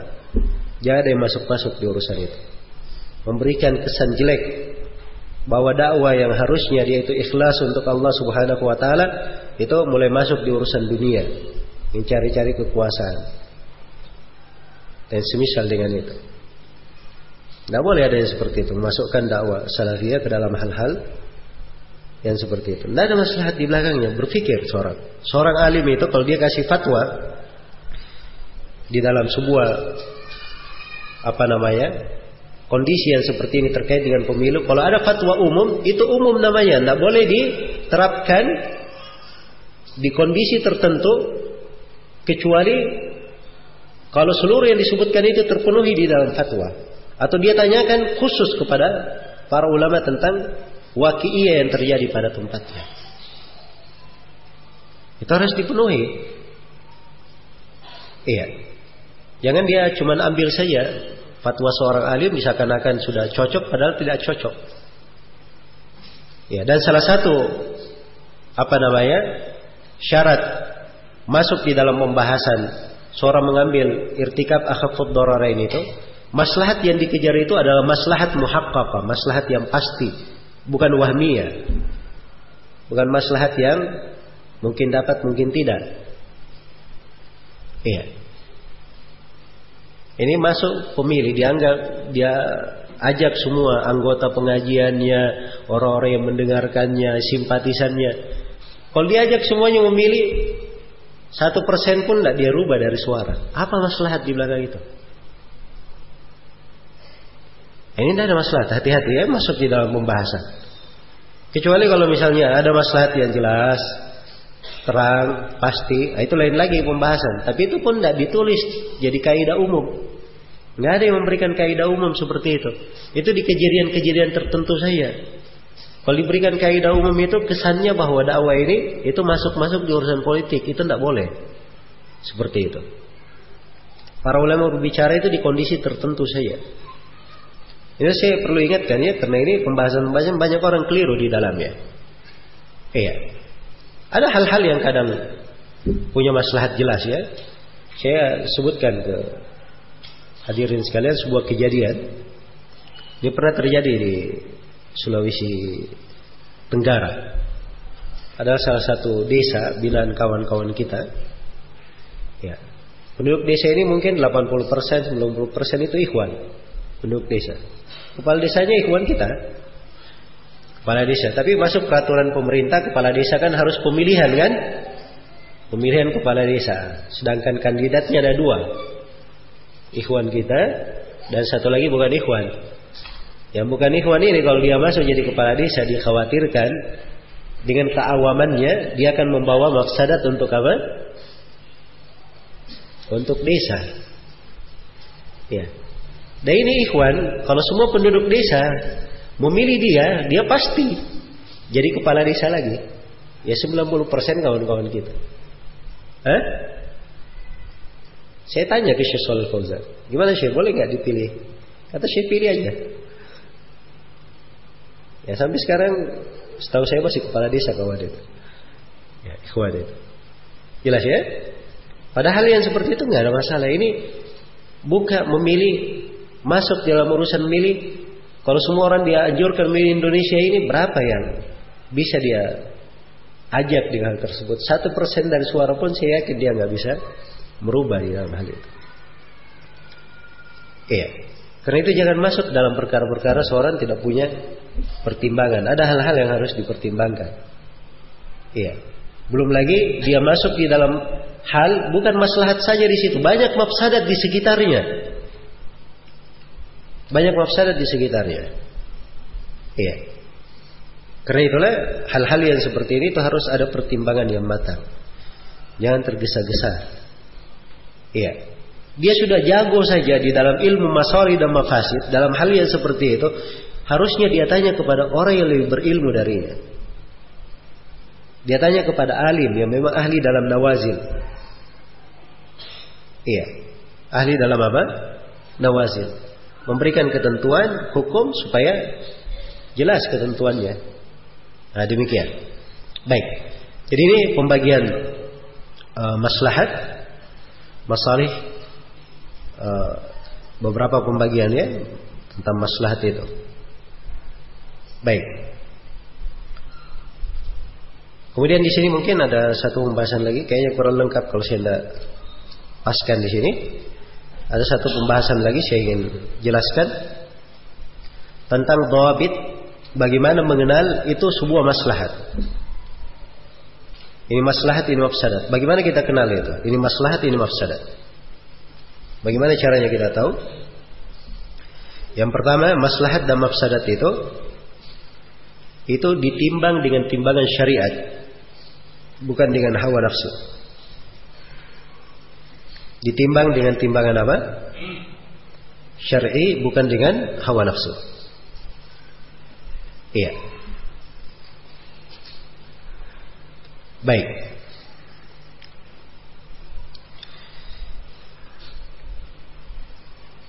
Kemudian yang kedua, yang kedua di dalam pembahasan masalah ini, masalah syariah, harus diketahui bahwa maslahat yang terkait dengan agama itu adalah asas untuk segala maslahat yang lain. Maslahat yang terkait dengan agama itu adalah asas terhadap seluruh maslahat yang lain. Itu yang paling dikedepankan.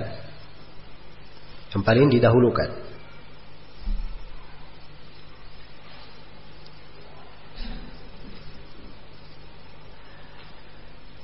Iya. Kemudian yang ketiga, itu tidak ada talazum, tidak ada saling mengharuskan, saling memestikan antara maslahat dan kelezatan. Antara maslahat dan apa? Kelezatan. Ya tidak mesti seorang itu ini maslahat, dia nikmat melakukannya dia lezat mengerjakannya. Tidak mesti. Iya. Tidak mesti ya. Karena itu dalam Al-Quran dikatakan, Kutiba alaikumul qitalu wa huwa kurhul lakum. Diwajibkan atas kalian berjihad, berperang, padahal itu kalian benci. Dia maslahat tapi dibenci. Iya. Maslahat tapi apa? Dibenci. Sebagaimana sebagian obat itu pahit oleh orang yang meminumnya. Iya. Ada orang yang tangannya itu apa namanya kanker jarinya ibu jarinya kanker kalau dibiarkan dia akan memakan yang lainnya maka dipotong satu jarinya untuk menyelamatkan yang lain itu maslahat jadi tidak mesti dia senang dipotong. Maslahat itu. Baik. Kemudian yang perlu diingat juga di pembahasan maslahat ini dari kaidah ketentuan dan tabit bahwa syariat itu tidak menelantarkan sebuah maslahat pun. Karena itu kata Syekhul Islam Ibn Taimiyah, "Inna syari'ata la yumkinu an tumhila maslahatan qat." Bal inna Allah qad atamma lana ad-din. Wa anna Rasulullah sallallahu alaihi wasallam qad tarakana 'ala al-mahajjati al-bayda. Lailuha ka nahariha, la yazigu anha ba'd anha. Kata beliau syariat itu tidak mungkin melantarkan sebuah maslahat apa pun.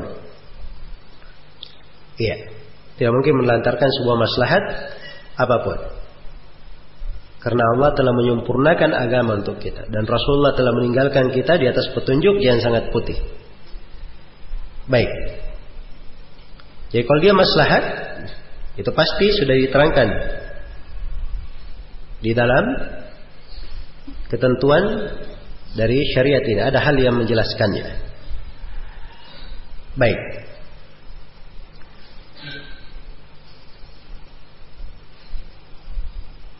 Kemudian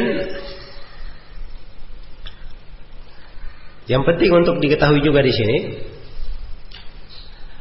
bahwa kadang sebuah maslahat itu ini yang ini uh, dari kaidah-kaidah yang juga penting untuk diingat ya bahwa kadang sebuah maslahat itu tidak diinginkan pada dat maslahat itu. Iya.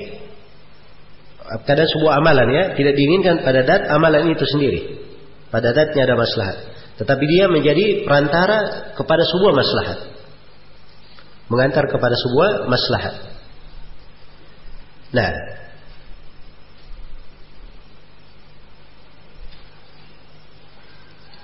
Dan ini sudah berlalu ya kita terangkan. Sekarang saya bahas kebalikannya lagi. Kebalikannya, kadang sesuatu itu pada datnya maslahat. Dat dia maslahat. Tapi karena ada yang mengikutinya dari mafsadat, akhirnya dia dihitung kepada mafsadat. Jadi pada datnya adalah apa? Maslahat. Tapi karena diikuti oleh mafsadat, makanya dia menjadi mafsadat dihitungnya. Nah, ini masuk di dalam kaidah umum di pembahasan qaid fikhiyah al-wasail laha ahkamul maqasid. Al-wasail laha ahkamul maqasid. Dan ini juga kaidah besar yang disebut dengan nama kaidah saddid dari'ah atau saddid dara'i. Kaidah di dalam Sadid darai, menutup segala pintu yang mengantar kepada kejelekan. Dan ini kaidah besar. Ibnu Al-Qayyim meluas sekali membahas kaidah ini di Ilam Al-Muwakkil. Beliau sebutkan 99 dalil untuk kaidah ini. 99 dalil untuk kaidah. Jadi kalau mau belajar bagaimana kaidah saddid dariah, baca di penjelasan Ibnu Al-Qayyim itu. Iya. Maka akan kelihatan dalil-dalilnya. Misalnya diberi contoh. Iya. Terkait dengan masalah mencela sesembahan orang-orang kafir. Mencela sesembahan orang-orang kafir ada masalah atau tidak? Hah? Nah, saya tanya, ada maslahat atau tidak? Ada maslahat, pada datnya ada maslahat. Menunjukkan baroahnya dari apa? Kesyirikan. Tapi dilarang mencela sembahnya orang kafir. Kenapa? Bisa muncul mafsadat di belakangnya. Karena itu dalam Al-Quran dikatakan, وَلَا تَسُبُّ الَّذِينَ يَدْعُونَ مِن دُونِ اللَّهِ فَيَسُبُّ اللَّهَ عَدَوًا بِغَيْرِ عِلْمٍ Janganlah kalian mencela orang yang beribadah kepada selain Allah sehingga mereka mencela Allah dengan berlebihan tanpa ilmu. Iya. Seorang perempuan dia menggerak-gerakkan uh, berjalan kemudian berbunyi gelangnya di kakinya itu boleh atau tidak? Hah? Nah ini perempuan, kita berbicara pada dianya sendiri. Bergerak, ada gelang di kakinya, dia bergerak di sana sini, bunyi gelangnya, boleh atau tidak? Boleh, siapa yang larang ya? Iya. Tapi yang dilarang itu yang disebut di dalam Al-Quran, yadribna bi arjulihinna liyu'lama ma yukhfina min zinatihinna. Jangan dia gerakkan, dia pukulkan dari kakinya supaya diketahui dari perhiasan yang disembunyikan. Ingin menampakkan perhiasan. Nah, itu lain. Ya. Jadi menjadi tidak boleh karena itu. Jelas ya? Baik. Jadi ini semuanya hal yang dilarang. Tadinya ada pada datnya mungkin dia boleh, mungkin ada maslahat, tapi dia dilarang karena bisa mengantar kepada apa? Mafsadat. Iya. Jadi ada jenis dari maslahat seperti itu. Ini harus dipahami. Baik. Kemudian dari kaidah juga maslahat yang mu'tabarah itu maslahat yang dianggap secara syariat itu adalah maslahat yang bersifat mendominasi kebanyakannya. Iya. Jadi tidak mesti seluruhnya. Seluruhnya maslahat tidak. Kalau kebanyakannya sudah ada, sudah cukup. Kebanyakannya sudah ada, sudah cukup. Contohnya misalnya ya, Memotong tangan pencuri. Ini maslahat untuk apa? Hah? Kan membuat efek jerah bagi orang yang mencuri. Tapi kalau misalnya sudah dipotong tangan tidak jerah juga masih mencuri juga, apakah hukum potong tangan dijatuhkan?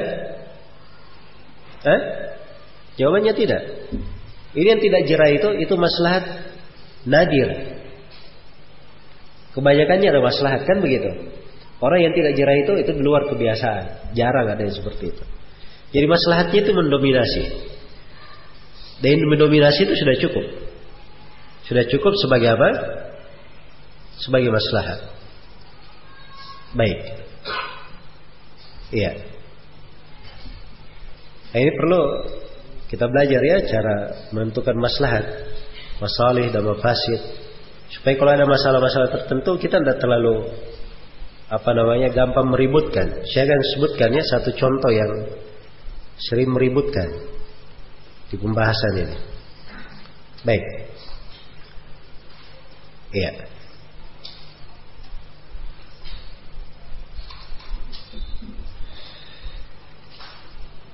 Seperti misalnya masalah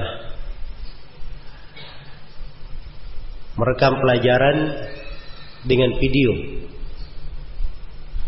Iya, ini boleh atau tidak? Hah? Ini hal yang kan di masa ini ada silam pendapat di kalangan ulama. Dibedakan ya antara gambar, ya mengambil gambar dengan fotografi dan video itu. Itu dua hal yang berbeda. Ya, mengambil gambar dengan fotografi itu ada silam pendapat di kalangan ulama. Apakah dia masuk di dalam gambar yang diharamkan atau tidak?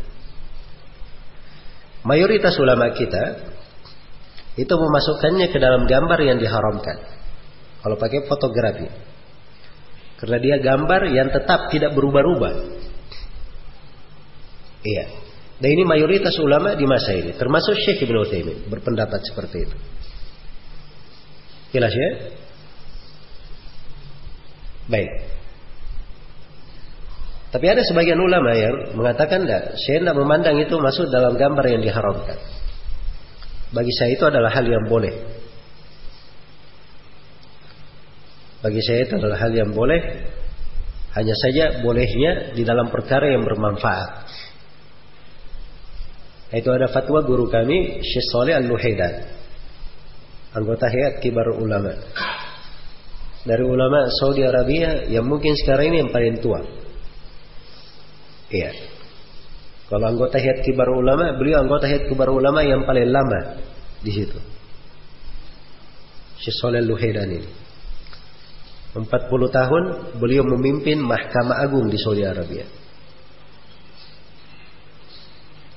Beliau memberi fatwa seperti itu. Jelas ya, tapi beliau sendiri tidak gemar selfie, sedikit-sedikit selfie. Ya. Beliau hanya bolehkan dalam apa? Hal yang ada manfaatnya, ada maslahatnya. Ini menjadi fenomena sedikit-sedikit ketemu orang, ayo foto-foto. Baik. Bagi mereka yang mengatakan fotografi itu sama dengan gambar, mereka mengharamkannya.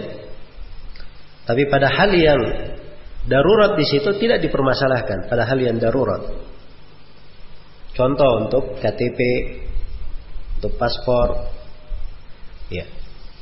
Demikian pula sebagian ulama membolehkan pada hal yang sifatnya dokumentasi yang penting terkait dengan keamanan misalnya atau terkait dengan hal tertentu. Itu kan ada perlu dokumentasi kan? Orang kecelakaan di foto misalnya bagaimana bentuk kecelakaannya. Itu dokumentasi penting. Iya jadi ini dibolehkan karena kaidahnya larangan foto ini saya mau tanya ini pengharamannya pengharaman lidatihi atau ligairihi pengharaman foto, pengharaman gambar, lidatihi au ligairihi, Hah? Kok kecil suaranya? Saya ulangi pertanyaannya lidatihi atau ligairihi? Ligairihi ya. Kalau lidatihi itu seperti apa namanya khamar pada anjing itu lidatihi. Memang itu tidak boleh. Tapi ini gambar ini ini karena bisa mengantar kepada mukhalafat yang lain. Kesyirikan Nabi Nuh asalnya dari gambar kan begitu? Ya. Jadi dia masuk kepada ligairihi. Ya. Dan itu ada pembahasannya di kaidah fikih ya, di usul fikih juga bahwa sesuatu itu kalau larangannya sifatnya ligairihi, dia dibolehkan lihaja, dibolehkan kalau ada keperluan. Cara syar'i. Jelas ya? Karena itu melihat kepada perempuan yang bukan mahram, saya tanya, melihat kepada perempuan yang bukan mahram, lidatihi atau ligiri pengharamannya? Hah? Ligirihi sebab melihat kepada perempuan yang bukan mahram bisa mengantar kepada zina, kan begitu? Karena itu kalau ada keperluan dibolehkan. Kalau ada yang mau nikahi perempuan, boleh nador atau tidak? Boleh. Ini ada hajat kan? Keperluan. Demikian pula para ulama memberi fatwa kalau misalnya ada perempuan yang sakit dan tidak ada dokter kecuali dokter laki-laki, maka boleh dia melihat dari aurat sebatas keperluan mengobati. Iya, sebatas keperluan mengobati. Ini semuanya muntabit dengan kawaid ya. Terukur dengan kaidah. Terukur dengan kaidah. Baik. Itu satu sudut. Sudut yang lain tentang mengambil gambar dengan video. Nah, ini lebih luas lagi. Ya. Lebih luas lagi daripada fotografi. Kalau fotografi ini itu jelas ya, saya sendiri itu ikut kepada kebanyakan ulama ya, tidak boleh mengambil dengan fotografi. Jelas ya? Terkait dengan mengambil dengan video, ya. Syekh bin Bas rahimahullahu taala dahulu itu tidak membolehkan, dianggap juga dari gambar. Tapi belakangan beliau membolehkan. Karena kalau dipakai untuk maslahat agama, merekam dari ilmu syar'i, apalagi disiarkan di banyak manusia, itu beliau anggap banyak maslahatnya dalam hal tersebut. Itu ada fatwa terekam ya dari Syekh bin Bas dalam hal itu. Demikian pula Syekh Ibn Utsaimin. Iya. Kalau Syekh Shalal Fauzan Ya, Habibullah Ta'ala itu fatwa beliau bertahap. Tadinya beliau tidak membolehkan syekh. Kecuali darurat saya. Di hal yang penting. Iya. Setelah itu beliau berubah pendapat. Beliau membolehkan untuk live saja. Untuk live. Ya, ketika beliau live, saya tanya waktu itu. Sudah berapa tahun yang lalu ya? enam tahun yang lalu kayaknya. Atau lebih daripada itu kurang daripada itu. Saya tanya. Loh Syekh sekarang boleh ini? Kata beliau kalau live nggak ada masalah. Itu bukan surah kata beliau. Itu nakal hai nakal namanya. Bukan taswir tapi nakal. Penukilan dan itu ada jawabannya di sebagian pelajaran beliau. Di sebagian pelajarannya. Iya. Di dua tahun belakangan ini itu beliau ada rekaman. Bukan lagi live. Tapi direkam. Ya baru-baru ini saya dapati beliau direkam di dua pelajaran uh, Nurun alat dar fatwa ya tanya jawab direkam televisi, apa direkam video, setelah itu disiarkan di televisi di waktu yang sudah ditentukan. Kemudian setelah itu beliau ada pelajaran kitab tauhid. Iya. Kitab tauhid. Kayaknya sekarang sudah ganti karena terakhir saya dapati sudah di bab-bab terakhir dari kitab tauhid. Itu rekam juga rekaman. Setelah itu, jadi satu kali rekam itu beliau direkam dua sesi dua pertemuan untuk dua halakoh. Iya. Direkam, disimpan, diputar di waktunya. Ya, saya nanya lagi ke beliau. Ya. Apa ukurannya untuk itu? Kata beliau, la ba'sa bisyai'i yu'radu wa yazul. Walaysa suratan musabbatan. Walaysa suratan muthabbata. Kata beliau tidak apa-apa dengan sesuatu yang tampil kemudian hilang. Dan dia bukan gambar tetap. Ya. Bukan gambar tetap. Ya saya ulangi, saya tanya. Jadi maksudnya begini saya, saya tunjukin video-video sama beliau. Kalau kayak gini, kayak gini, nah, jadi maksudnya itu kalau video kelihatan begitu bisa ditampilkan setelah itu hilang tersimpan nah, itu nggak ada masalah bagi beliau. Itu tidak beliau anggap sebagai apa namanya gambar. Dan sebenarnya dianggap gambar pun itu nggak ada masalah dari sisi maslahat karena ada hajat syar'i di dalam hal tersebut itu diperbolehkan, tidak dipermasalahkan. Jelas ya? Jadi apa namanya uh, pembahasannya di seputar ini.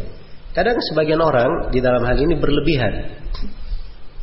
Ada yang memakai fatwa para ulama semuanya dia bolehkan bergampangan dengan foto-foto, ya, sehingga membuka pintu kejelekan, membuka apa?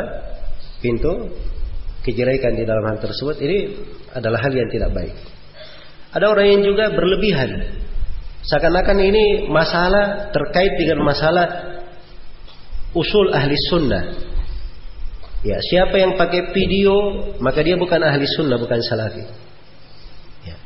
Ditahdir. Ya, ditabdi. Atau tidak di atas jalan yang lurus. Nah, ini berlebihan ya orang-orang seperti ini. Para ulama asalnya ada silam pendapat. Ya, Anggaplah kita berpendapat tidak boleh. Ada ulama yang membolehkan. Memangnya semuanya kita mau katakan sebagai ahlul bidah. Semuanya mau ditahdir. Ini keliru ya memahami seperti itu. Dan ada sebagian orang lagi kadang dia baca fatwa, dia dengar fatwa-fatwa lama. Syaikhul Fauzan ada fatwa-fatwa lama yang tersebar. Ya, di masa dahulu beliau memperbolehkan. Sekarang ada fatwa-fatwa baru ya. Ini mungkin dengar-dengar fatwa lama ini, ya memang karena dia hanya tahu yang lama saja, dia nggak ngerti yang baru. Tapi yang menjadi masalah kalau seperti itu sih mudah ya. Orang cuma tahu yang lama, tidak mengerti yang baru ya mudahlah. Semua orang kan bisa seperti itu. Tapi ini yang menjadi masalah, dia hanya tahu yang lama, dia salahkan orang yang tahu yang baru. Ya ini yang repot. Jelas ya? Baik. Jadi hal-hal yang seperti ini ini terkait dengan pembahasan-pembahasan ya seputar masalih. Sekarang apa di antara manfaat besar yang harus diketahui di sini? Ketika kita mengetahui tentang masalih dan mafasid ini, tingkatan-tingkatannya, pembagian-pembagiannya. Nah, itu ketika terjadi ta'arud, pertentangan. Bagaimana kita mengkompromikan? Iya. Nah, di sini ada beberapa kaidah yang perlu saya terangkan. Jadi kalau misalnya ada dua maslahat atau lebih bertentangan, maka asalnya yang ditempuh dia laksanakan semuanya dulu. Dia laksanakan semuanya, jangan dia pertentangkan. Misalnya ada yang bertanya, yang mana yang dia dahulukan antara menuntut ilmu atau berbakti kepada kedua orang tuanya? Maka jawabannya dia menuntut ilmu dan berbakti kepada kedua orang tuanya. Jangan dipertentangkan. Dua maslahat yang bisa apa? Digabungkan. Mana yang lebih afdal? Dia sholat atau dia baca Al-Quran? Iya. Maka jawabannya afdalnya dia sholat sambil membaca Al-Quran. Dia baca hafalannya dalam sholatnya. Dia gabungkan dua apa? Maslahat untuk dirinya. Jadi selalu seperti itu. Padahal yang dia mampu menggabungkan, dia gabungkan. Iya. Dan juga di dalam hal yang seperti ini, ibadah-ibadah yang datang dalam bentuk tanawu, bentuk beraneka ragam, itu dilakukan dari maslahat, kadang dilakukan ini, kadang dilakukan itu. Tapi harus dijaga sesuai dengan porsi sunnahnya. Iya. Misalnya ya, dua istiftah. Dua istiftah yang diajarkan oleh Nabi kan banyak ya. Allahumma ini wajah tu wajhiyya di sholat malam. Allahumma bait baini. Ini yang paling bagusnya. Ya. Subhanakallahumma bihamdika tabarakasmuka wa ta'ala jadduka wa la ilaha gairuk. Ini yang umum dibaca di Saudi. Di Matah Hambali ini yang di apa namanya? dipakai. Dan setahu saya imam-imam haram itu baca ini. Karena itu Imam Haram, Allahu Akbar, tidak lama langsung membaca. Ya orang-orang awam di belakangnya dipikirnya ini Imam Haram tidak baca doa istiftah. Mereka baca tapi doa yang pendek. Jelas ya? Doa yang pendek. Baik, yang seperti ini dilakukan berani ragam, nggak ada masalah. Kefiat tasyahud. Tapi kalau ada indikator yang menunjukkan sesuatu dilebihkan, kita pakai yang dilebihkan. Contoh ya, salam. Salam itu kan ada beberapa kefiat. Boleh Assalamualaikum warahmatullah. Assalamualaikum warahmatullah. Itu boleh. Boleh Assalamualaikum warahmatullahi. Assalamualaikum warahmatullah. Assalamualaikum warahmatullahi wabarakatuh. Itu juga boleh. Iya. Jelas ya? Atau dia membaca Assalamualaikum warahmatullahi wabarakatuh. Assalamualaikum warahmatullahi Atau boleh dia Assalamualaikum warahmatullah Assalamualaikum. Atau boleh Assalamualaikum saja Kan itu beberapa kefiat Tapi di pembahasan salam itu Kebanyakannya Nabi itu Membaca Assalamualaikum warahmatullah Assalamualaikum warahmatullah. Maka itu asal yang dilakukan. Yang lainnya kadang-kadang dikerjakan. Jangan dibalik. Begitu caranya ya? Iya. Baik terkait dengan adan Adan kan ada adannya Abdullah bin Zaid bin Abdi Rabbih dan ada adannya Abu Mahdura. Iya. Ini kefiat adannya bagaimana? Kadang dilakukan ini, kadang dilakukan itu. Ya jawabannya ini tidak ya. Karena Nabi mengajarkan adan untuk Bilal di Medina itu adannya Abdullah bin Zaid. Untuk penduduk Mekah adanya Abu Mahdura. Jadi ini tidak dikatakan tanawu, kadang ini kadang itu. Tidak.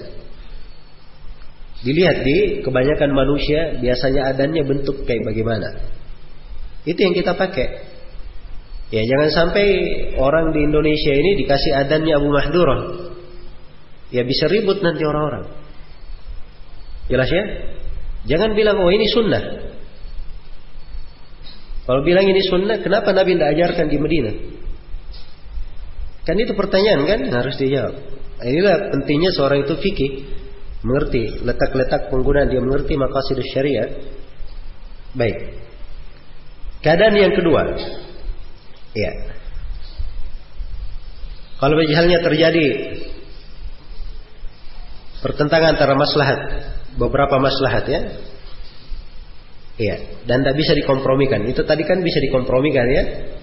Masalah ini tidak bisa dikompromikan. Maka apa yang dikerjakan? Ya di sini ada beberapa bawabit ya yang perlu diingat. Yang pertama, maslahat yang terkaitan dengan dat amalan itu itu lebih didahulukan daripada maslahat yang terkait dengan waktu ataupun tempat. Terkait dengan waktu ataupun apa? Tempat. Iya. Contoh misalnya Iya. Contoh misalnya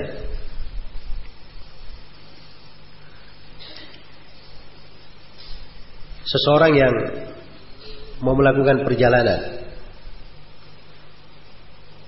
Dia ada pilihan Dia Sholat asar pada waktunya tapi nanti di di pesawat dia sholat atau dia jabat takdim. Dia lakukan duhur dan asar. Sekaligus. Nah, ini kan dua maslahat. Iya. Dua maslahat. Tapi yang mana yang dia dahulukan nah, hal yang terkait dengan dat amalan itu yang didahulukan. Kalau dia sholat di atas pesawat nanti sholatnya duduk kan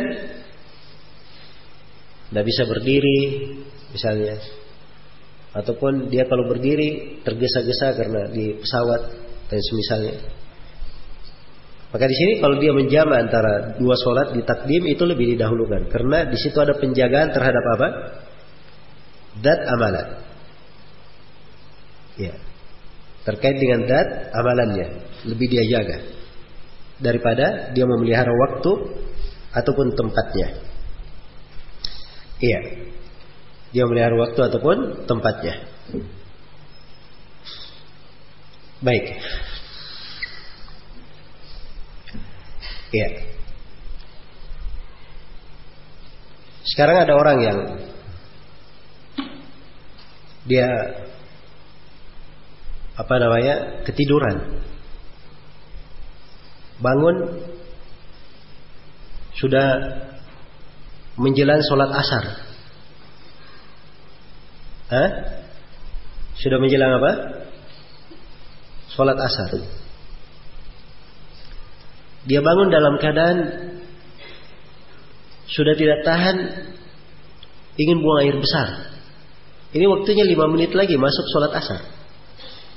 Lima menit lagi harusnya dia buang air besar dulu atau sholat dulu? Hah? Nah ini kan tergantung mau diapain sekarang. Dia mau jaga dat amalan sholatnya atau dia jama nanti duhur dan asar di waktu asar. Karena dia memang asalnya tidur kan, ketiduran, ada udurnya. Cuma ini sekarang dia ada masalah mau buang air besar. Kalau dia misalnya langsung berodo, kemudian sholat dalam keadaan darurat mau buang air besar, kira-kira sholatnya terganggu atau tidak? Terganggu.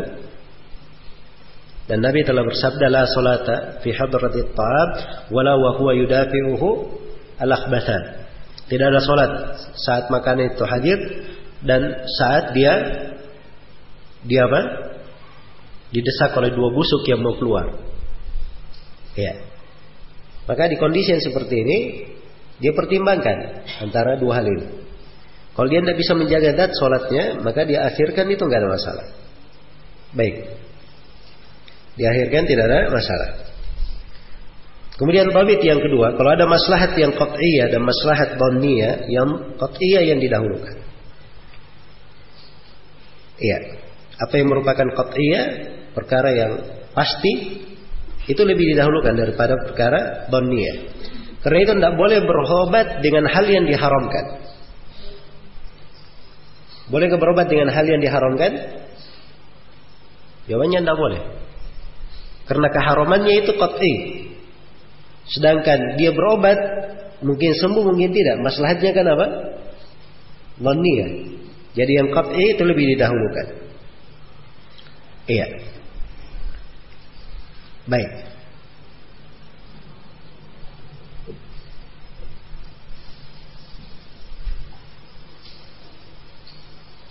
Kemudian tabit yang ketiga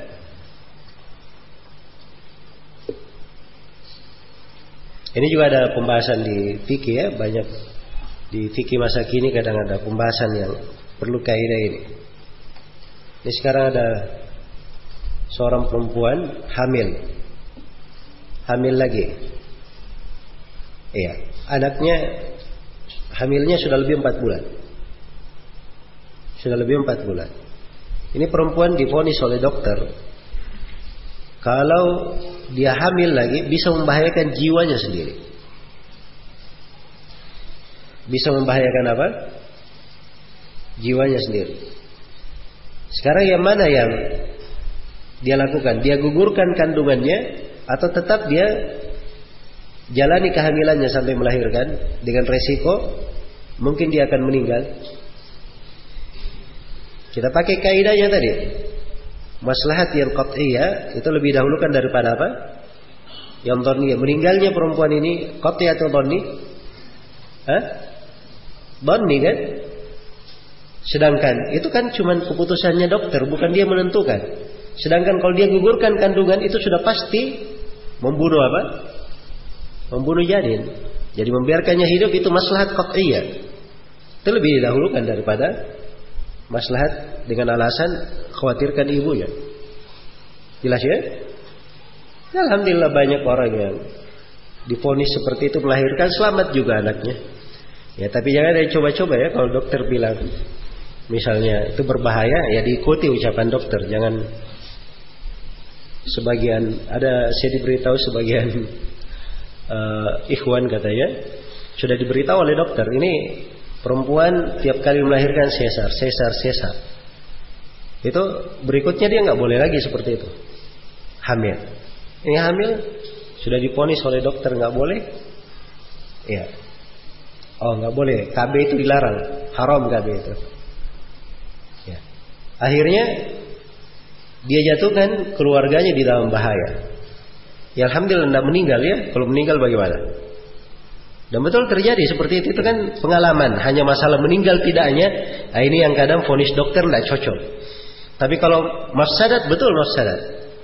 Dan di situ tidak ada masalah seorang memakai alat KB untuk menghilangkan mafsadat yang seperti itu itu dibolehkan oleh para ulama. Iya. Jangan seorang berlebihan di dalam perkara-perkara yang diberikan keluasan di dalam hal yang seperti itu. Baik. Demikian pula uh, kita tadi ada bahas tentang maslahat maksudah lidatiha dan maslahat maksudah ligairiha. Ada maslahat yang dimaksudkan pada datnya, ada maslahat dimaksudkan pada selainnya. Kalau ini bertentangan, yang dimaksudkan pada datnya lebih di apa? Lebih didahulukan. Iya. Saya beri contoh misalnya. Ada orang dia tinggal di sebuah rumah itu dekat dengan dua masjid. Ada masjid dekat rumah dia, ada masjid lebih jauh. Ada masjid lebih jauh. Kalau dia jalan ke masjid yang lebih jauh, ya. Kalau dia jalan ke masjid yang lebih jauh, maslahatnya apa? Ada maslahat enggak? Ya kan setiap langkahnya terhitung terangkat satu derajat digugurkan apa? Dosa itu kan maslahat. Iya. Baik. Sekarang terjadi pertentangan antara dua maslahat. Kalau dia sholat di masjid yang dekat, dia dapat takbiratul ihram. Sedangkan kalau dia sholat di masjid yang jauh, dia dapat keutamaan langkah, tapi nanti luput takbiratul ihramnya. Ini tiga menit lagi komat. Kalau ke masjid dekat dapat takbiratul ihram. Tapi kalau masjid jauh, dia perlu berjalan 10 menit. Pasti luput apa? Takbiratul ihram. Nah, sekarang yang mana yang didahulukan? Hmm? Sudah diberikan kaidahnya. Yang maksud lidatiha itu lebih dahulukan daripada apa? Maksud ligeriha. Ini kan melangkah maksud ligeriha kan? Untuk sholat. Sedangkan takbir mendapati takbiratul ihram itu apa? Maksudnya tidak itu sholatnya. Iya.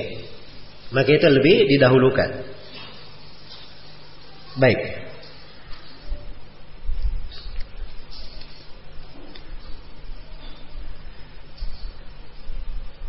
Ya, jadi ini fikih di dalam pembahasan ini membedakan antara apa namanya mana maslahat maksuda lidatiha maksuda ligairiha ini banyak banyak pembahasannya di dalamnya. Di dalam pembahasan fikih muamalah juga ini banyak dipakai. Kemudian ada juga namanya maslahat mutaaddiyah dan maslahat qasirah. Ada maslahatnya itu bukan untuk dia saja tapi untuk orang lain juga. Ada yang maslahatnya khusus dia saja. Khusus dia saja ini kalau bertentangan maka didahulukan yang maslahatnya untuk apa? Untuk kebanyakan orang. Iya. Dan ini contohnya banyak ya. Sekira dimaklumi itu. Baik. Demikian pula kalau ada misalnya apa namanya uh, baik itu terkait dengan sebagian pembahasan agak detail mungkin waktunya juga tidak cukup. Iya.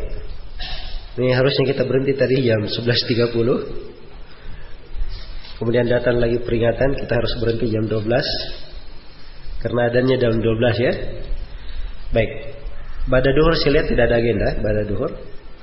Insyaallah taala kita uh, selesaikan manduma ini. Ini sisa satu pembahasan lagi terkait dengan masalah pembagian apa maqasid syariah menjadi tiga.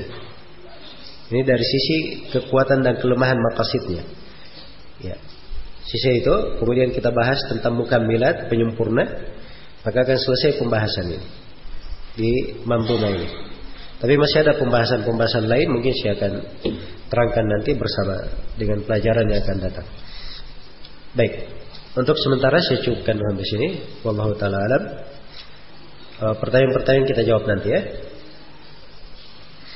Saya nggak tahu mau dilanjutkan pada duhur apa?